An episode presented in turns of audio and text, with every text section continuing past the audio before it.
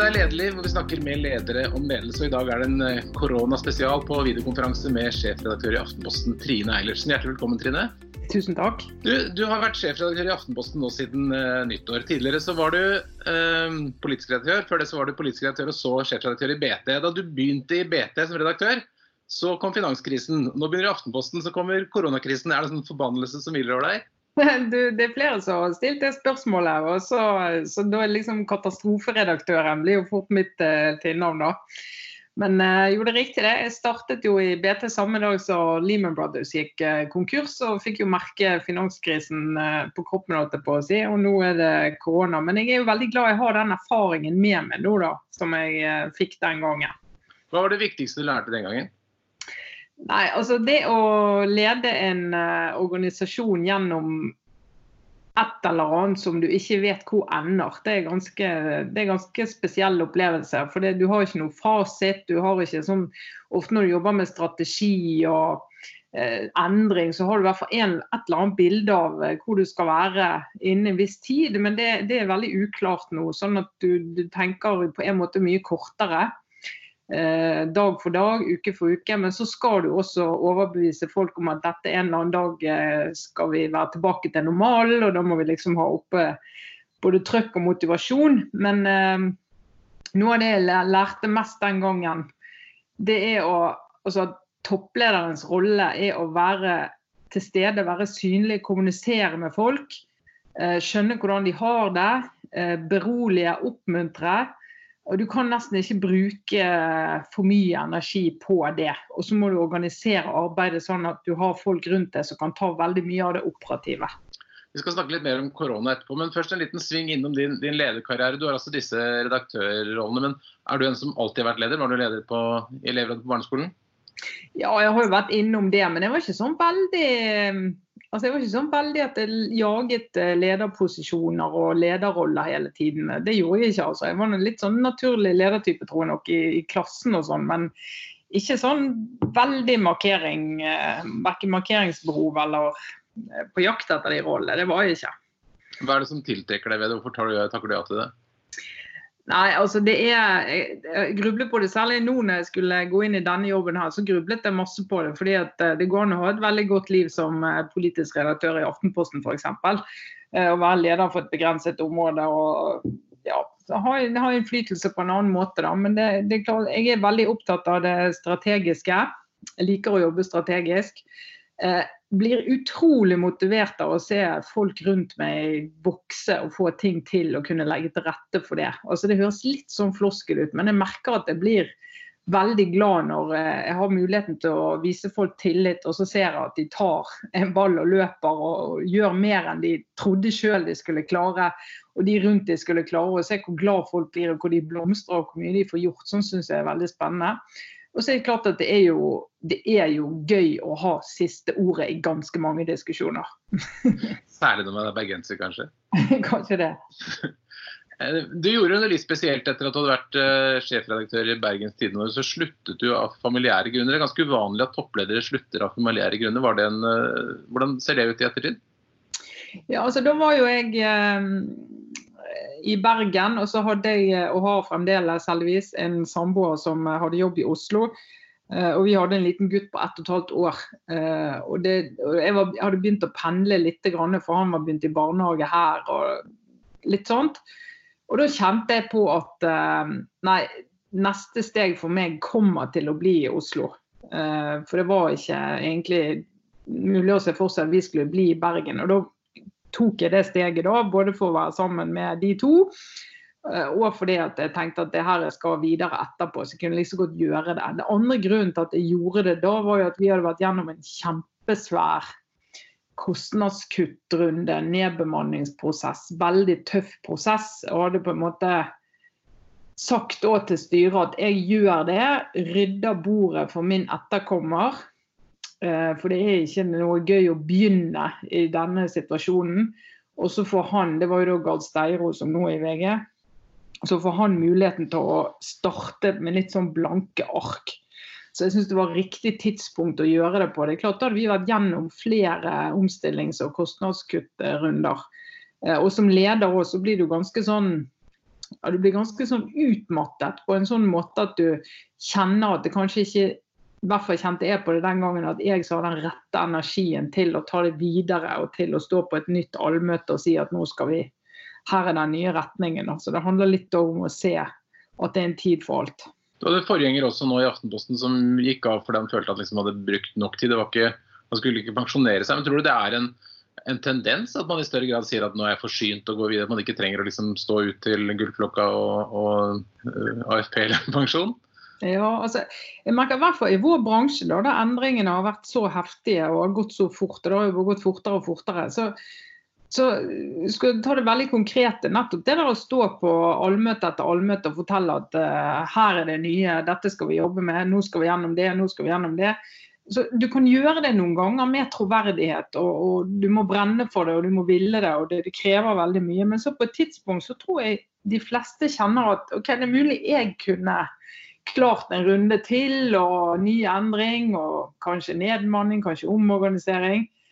Men kanskje organisasjonen trenger at det kommer inn en annen person. Ser nytt på det, snakker på en annen måte, har en annen glød. Altså du må, du må, du må være litt sånn uselvisk òg, tenker jeg. Prøve å tenke ikke bare hva, hva jeg trenger, men hva organisasjonen trenger. Du ble kåret til årets medieleder i 2010 i BT og gjorde en god jobb i forbindelse med ryddingen. Når du nå kom tilbake i, toppen da, i 2020, hadde du noen, tanker om, noen nye tanker om hvordan du ville være som leder når du går inn i en ny rolle?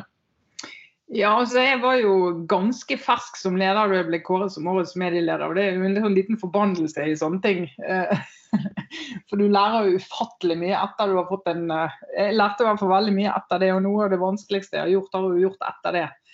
Eh, så altså, jeg har jo på en måte Altså, jeg har en veldig sånn ydmyk innstilling til det at jeg, jeg, blir jo aldri ferdig som leder. Jeg blir ikke ferdig som leder. og Ledelse, hvis du skal ta den virkelig egoistiske eh, motivasjonen i det, så er jo det at det er et kontinuerlig sånn selvutviklingsprosjekt. Altså Hvis du går inn der og tror at du er ferdig og at du har ingenting å lære og at du kan det, da tror du blir en litt farlig leder. Eh, så jeg er blitt mener jeg sjøl i hvert fall har jobbet med å bli flinkere til å be om hjelp. Til å be om tilbakemelding, til å tåle tilbakemelding.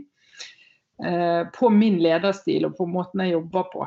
Eh, og virkelig lære å sette pris på det. For Det er klart det er jo lett å si det, men det er ikke alltid det er så veldig behagelig å stå i det. Men hvis du liksom er overbevist om at en del av dette prosjektet er også at jeg skal bli en bedre leder, sånn at jeg blir altså, jeg blir bedre for de som skal forholde seg til meg, så blir det òg en motivasjon.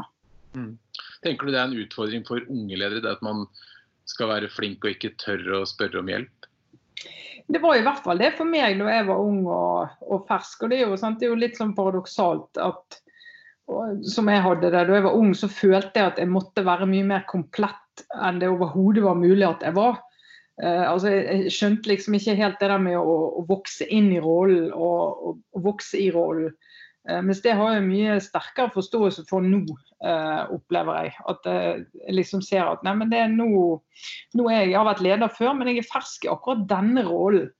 Og da må jeg lære meg hvordan jeg skal være i denne rollen, i denne organisasjonen, med de medarbeiderne og de utfordringene. Og Det er annerledes enn forrige gang. sånn at du må, må på en måte utvikle deg og tilpasse deg. da og be om hjelp, ikke minst. Og Det kan av og til være litt sånn skummelt, for du tenker at folk mister litt sånn Du mister autoritet hvis du ber om hjelp, eller hvis du sier ting at du ikke kan noe. Men så tror jeg det er tvert imot. Eh, når du først har fått den jobben, så må du på en måte stole på at hvert fall de aller fleste rundt deg tenker at du er noenlunde kompetent. Eh, men det geniet som kan alt og har svar på alt, det fins jo ikke. Så det er mye lettere å spare veldig mye tid på å være åpen om men dette kan jeg, dette har jeg ikke peiling på, dette må jeg ha hjelp til. Eh, og her kan jeg bidra. Hvilke områder du trenger mest hjelp på? Nei, altså nå når jeg kom eh, ble sjefredaktør, så Forrige gang var jeg sjefredaktør, men jeg var jo ikke publisher og direktør. Nå er jeg direktør, og det har jo ikke jeg vært før. Uh, så Jeg er jo utdannet økonom og vet jo forskjell på røde og svarte tall og opp og ned på et regnskap. Men det er klart, Eh, å være ordentlig inne i det kommersielle og virkelig kunne det, det må jeg være veldig åpen om. at Jeg har ikke vært tett nok på til at det er min hjemmebane. Eh, så da må jeg bare bruke masse tid på å lytte til folk og, Og, og, være ærlig om at eh, det tar litt tid før jeg greier å ta en beslutning i akkurat den saken. For jeg trenger mer tid til å sette meg inn i det enn jeg ville trengt hvis, hvis det var hjemmebanen min. da. Jeg leste noe som ble skrevet i forbindelse med at du ble årets medieleder i 2010. og Da snakket man om omstilling og nedbemanning som vært siden da finanskrisen startet i 2008. og Så ble det nærmest fremstilt som en fase som var over. Men omstilling i pressen har jo bare fortsatt og fortsatt. Ja, altså før I gamle dager så gikk vi på sånn kurs i endringsledelse, husker jeg. Og på Handelshøyskolen lærte vi om det. Men, eh, men, i dag, så i hvert fall hvis du skal være leder i, i mediebransjen, så er det endringsledelse du driver med. Det, hvis ikke du forstår det på det, så klarer du ikke lede. For vi endrer oss hele tiden.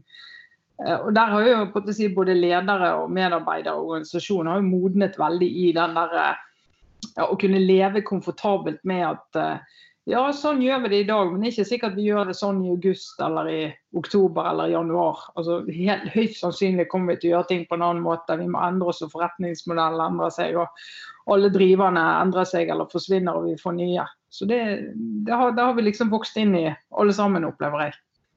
Hva er det viktigste du har lært i forhold til det å lære, hjelpe folk å endre seg? Nei, altså jeg tror eh, og det, det ene er også å erkjenne at mennesker ikke trives så godt med endring. Altså, jeg trives jo ikke med det sjøl. Å kunne si det at jeg liker godt, jeg liker godt rutiner. Jeg liker godt at ting er sånn i dag som det var i går. Eh, og at det er veldig menneskelig. Og så prøve å snakke litt om hva det er som gjør at ja, når vi nå likevel skal endre oss, hva er det som kan gjøre den endringen til en til et behagelig og ikke for ubehagelig sted å være? Jo, det er jo at det skjer innenfor noen rammer. At det ikke er for mye på en gang.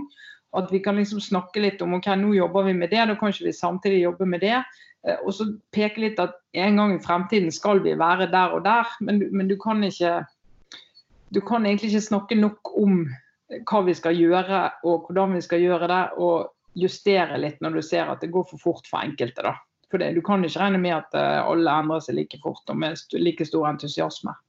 Men pressen er jo blant, eller media er blant de bransjene som har endret seg mest. Hva tenker du andre bransjer har å lære av mediebransjen når det gjelder omstilling? Ja, altså, altså Noe av det aller, aller, viktigste er jo også å se muligheten i det. da. For det, Noe av grunnen til at vi er redd for eh, endring, er jo fordi vi er redd for å miste noe. Uh, og Det er jo å greie å se at det er muligheter. sant? Altså, okay, Hva er styrken vår i dag? Hva kan vi bruke den til i neste runde? Altså For ti år siden så var det jo ingen som trodde at, at den gamle abonnementsavisen skulle klare seg så veldig godt i de nye forretningsmodellene. Klikkdrevet, mye annonsedrevet.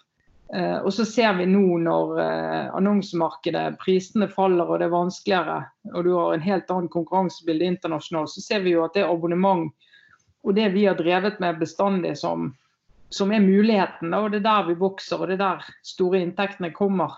Og det med å ha selvtillit på at du kan noe som også trengs etter du har endret veldig mye, det er utrolig viktig å snakke om. da. Hvordan, hvordan, ser Aftenposten ut for i dag mot, eh, eller for ti år siden når det gjelder vektingen mellom abonnementsinntekter og annonseinntekter? Altså for ti år siden kan, hadde vi ca. 80% av inntekten vår kom fra annonser og 20 fra abonnenter, og i dag er det omvendt. I dag kommer 80% fra abonnenter og 20% fra annonser. Så skulle jeg selvfølgelig ønske meg at eh, inntektene var like store. Det er de ikke i det hele tatt. Det har forsvunnet ja, sikkert en milliard på veien eh, i annonseinntekter siden den gang. Eh, så inntektene er jo ikke like store, men eh, vektingen er jo helt annerledes. Og akkurat i dag så er vel ikke annonseinntektene i 20 engang, for det tar vel titt tak i inntektssiden etter koronasituasjonen? Ja, det tror jeg blir en bra smell for, for alle som lever litt av annonseinntekter. Altså. Mye eller lite, det kommer vi til å merke. Tror du du kommer til å sette dere langt tilbake? Det er litt sånn øh, vanskelig å si. Vi diskuterer jo det i Skipsted. og nå er Skipsted har ganske god finansiell helse. Aftenposten har det, og merkevarene i, i Skipsted har det.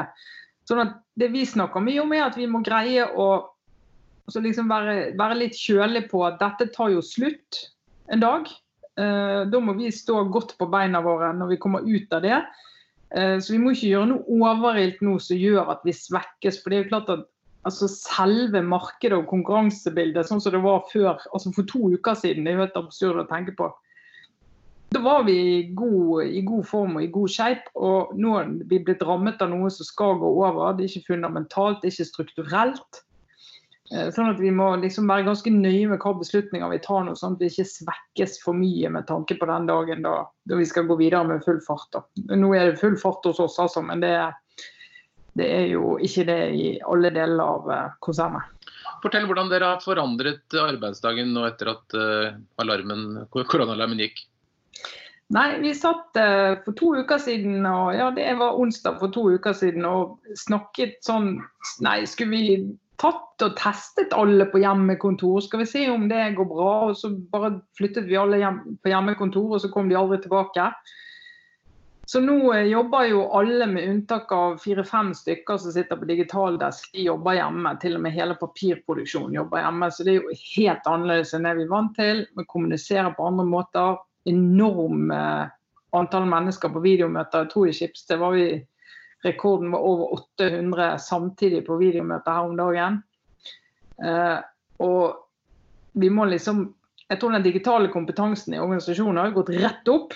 Eh, og så merker jeg at folk er rausere med hverandre. og litt sånn, Ja, jeg skjønner at vi er glatt på det, for det er jo ikke så rart. og skjønner at det ikke er så lett og skjønner at det er tungt å jobbe hjemmefra i mange dager og ha lite kontakter. Så det har vært ganske sånn, foreløpig i hvert fall, eh, en fin opplevelse for organisasjonen på den måten. Da. Mye samhold og mye, mye humor og ja. Men du må fortsatt sende noen ut? Hva tenkte du? du må, alle kan ikke sitte inne for å lage avis? Nei, journalistene må ut. Journalistene og fotografene må ut uh, og stå på 1-2 meters avstand og snakke med folk. Uh, og prøve å få lagd uh, så god journalistikk de bare kan. Og det, det funker ganske bra. Hvordan føler du det er å lede den situasjonen? Lede hjemme fra, fra stua? ja, ja det, altså det er jo, jeg skulle ønske jeg kunne se folk mer og snakke direkte til dem. Så vi prøver jo å få opp noe sånn at vi kan ha noen allmøter på video og sånn. Men det er litt sånn litt teknisk krevende. Men uh, altså det å lede gjennom andre har jo aldri vært viktigere. da. Du må rett og slett uh, bruke de andre lederne og snakke veldig godt med de, og at vi er litt enige om hva beskjeder som går ut. og, og, og Ha litt sånn impulskontroll og ikke hoppe på ting jeg ser og ikke ser i avisen f.eks. Og engasjere meg veldig i det, for da plutselig så går du helt på tvers av et løp som er planlagt. Og, så du blir litt disiplinert òg. Du har ansvaret for et mediehus som er med på å forme befolkningens oppfatning av hele denne situasjonen. Hvilke dilemmaer ligger i det? Nei, altså, vi har jo snakket mye om vår rolle i dette. og vi har, eh, altså Aftenposten har en veldig sånn sterk tradisjon for at vi eh, veldig raskt går veldig kritisk til verks. Eh, det gjorde vi etter 22.07, og det, det gjør vi nå. Eh, vi går, begynner umiddelbart å gå i gang med å ettergå beslutningsgrunnlaget til myndighetene. og Få innsynsbegjæringer og få tak i dokumenter og liksom gå inn i ting. Eh, og da er jo litt sånn diskusjonen vi har og litt kritikk vi kan få, det er liksom ja, undergraver dere noe viktig enighet? Undergraver dere denne dugnaden? Men, men da tenker jeg at liksom vår rolle i dette er jo Hvis du tror på at gode diskusjoner, transparens og gjennomsiktighet og det å være ansvarlig overfor eh, folk og velgere har en verdi, da, så har den journalistikken verdi. Beslutninger blir bedre, prosesser blir bedre. Så vi skal, vi skal være veldig ryddige, men vi skal være kritiske og vi skal være nøye, veldig nøye med hva vi vet og ikke vet. Og Derfor skal vi ikke slå opp enhver nyhet om hva til arbeid med vaksine eller uh, dødsfall eller hva det skulle være Eh, vi skal være litt så nøye med hva vi slår opp og hvordan vi vinkler det for å ikke bidra til panikk. Eh, for, men heller ikke prøve å, å, dekke over at det er mange mange dilemmaer og Det fortjener folk å høre om og vite. Hvor lenge tenker du eh, avisen kan være så full av korona som den er nå? Altså, når, når blir folk lei? Nei, ja, det er jo, altså Foreløpig angår det så mange på en så grunnleggende måte. Sant? Altså Alle som har skolebarn og veldig mange er permittert, og veldig mange sitter hjemme. og sånn at Akkurat nå merker vi en enorm interesse, eh, ekstrem interesse for det.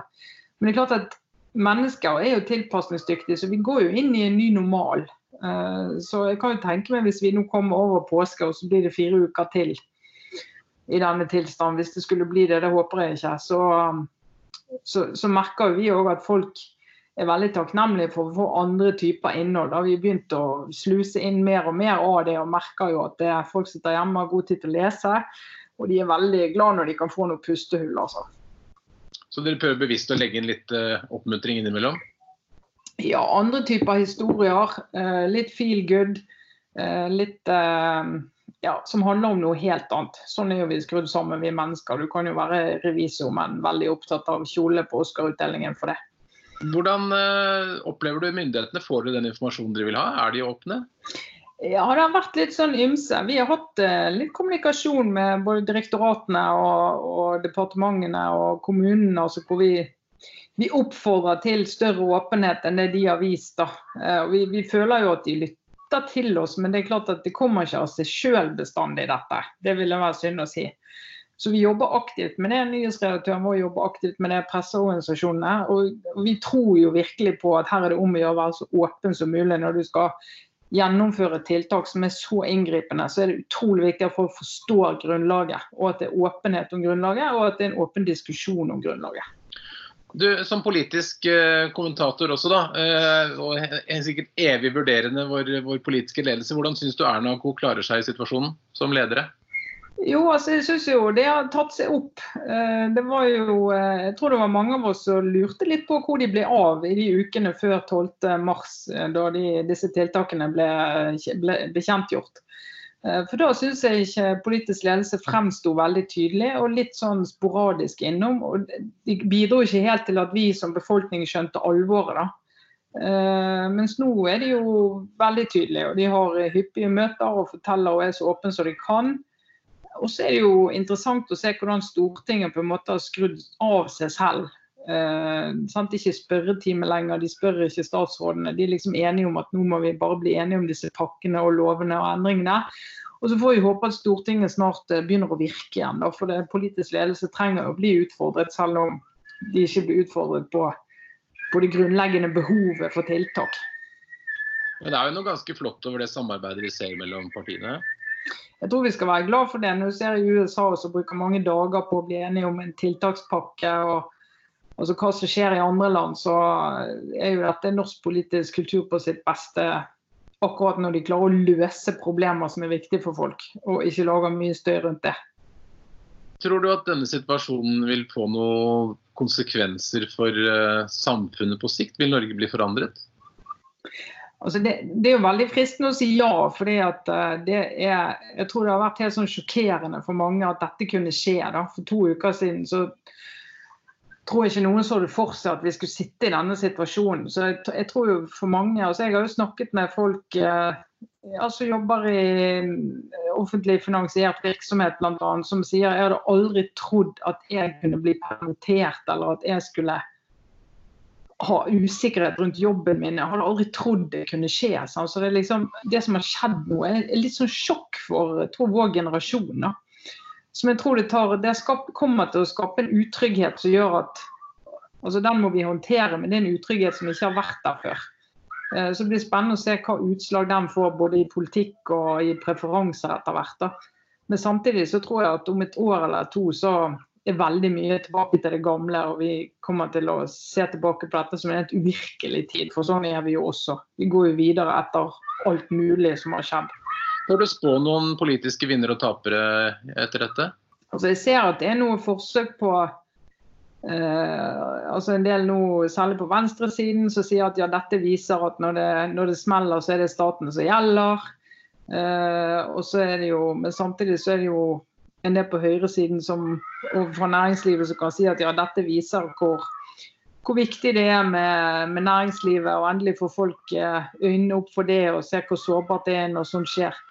Så Det er ikke så lett å si, altså, men uh, du kan jo banne på at selv om ikke noen vil slå politisk mynt på det i dag, så kommer de i hvert fall til å prøve å gjøre det i fremtiden. og Det, det er ikke så rart. Blir du sliten i situasjonen? Ja, det går litt opp og ned. Altså, jeg, merker, jeg, blir jo veldig motivert av å liksom være operativ og stå i det, men så er det jo eh, altså Dette hjemmekontoret her også er av og til litt sånn Det blir litt stille på en rar måte. Og da, da, da, går jeg rett og slett ut og tar en tur. Nå skal jeg ha en gjeng med medarbeidersamtaler. Jeg skal kjøre rundt de i ledergruppen min, og så skal vi gå en tur der som de bor. med én meters avstand mellom oss, så skal vi snakke litt om tingenes tilstand. og Det tror jeg er sunt å bytte litt omgivelser og få snakket litt ordentlig med folk som, som er operative nå, da. Tenker du det kommer noe bra ut av den perioden? Ja, det tror jeg faktisk. Altså jeg merker jo nå i vår organisasjon er en utrolig sånn eh, samhold og stolthet. Og både for det vi produserer og rollen vi har i dette med å fortelle ting som skjer. Eh, og så håper jeg at det kan komme noe godt når folk har sluttet å angi hverandre fordi de er oppe og sjekker hytten og jogger seg en tur og sånn, som ikke er det fineste utslaget av dette. Så håper jeg jo at vi kan få en sånn eh, ja, litt sånn felles opplevelse av at vi er, vi er sårbare og, og vise hvor mange tannhjul det er som er i sving for at dette samfunnet skal gå rundt. Det tror jeg har vært en vekker for folk. Mm. Helt til slutt, eh, Trine. Hvis eh, det kommer en ung person til deg og sier jeg vil bli en god leder, jeg vil bli sånn som deg. Hvilke tre viktigste råd vil du gi? Nei, hva skal det være da? Jeg tror Det viktigste er altså Du må jo være det selv. Eh, det må du være. Eh, men du må jo under, underpunktet er at du må justere de sidene av deg sjøl som, eh, eh, som, ikke gjør folk trygge og gode. De må du være klar over. Og så må du, du må være veldig ærlig med deg sjøl om hva som er motivasjonen din. Og Hvis motivasjonen din er din egen suksess eller din egen karriere, så tror jeg du skal tenke litt på om det er andre ting du skal gjøre. Du må være veldig trygg på at det er motivasjon som gagner organisasjonen og folkene du skal lede. Og kjenne på at det betyr noe ekte for deg. Og så tror jeg det siste rådet mitt er balanse, altså. For min del balanse i livet og ikke sitte med hodet inn i alle disse problemstillingene hele tiden. Uten det så Jeg tror ikke du blir en god leder, jeg tror ikke du blir et godt menneske. Eh, og du må ta på alvor de tilbakemeldingene du får på hjemmebane og blant venner. Hva er den beste balanse, det, hva er det som balanserer arbeid best for deg? Nei, jeg må jo si det hjelper å ha to gutter eh, på seks og ni. Det gjør det. Men eh, det viktigste jeg tar meg tid til, det er å være ute. Altså ordentlig ute på tur. Ute på tur og ute på fjell. Så jeg er veldig deprimert over dette hytteforbudet, det må jeg innrømme. Får håpe det gir seg om ikke så lenge. Ja. Tusen takk for at du kom til Lederliv, og lykke til med alt du har å gjøre nå. Jo, tusen takk skal du ha. Lederliv er en podkast fra Apeland. Redaksjonen består av Ellen Paulsen, Lars Jarle Melum, Lars Volden og meg, som heter Ole Kristian Apeland. Hvis du vil høre mer, så trykk abonner. Da får du varsel når det kommer nye episoder. Og hvis du har noen tips, så send en e-post til tips at eller til meg, ole. Takk for at du lytter.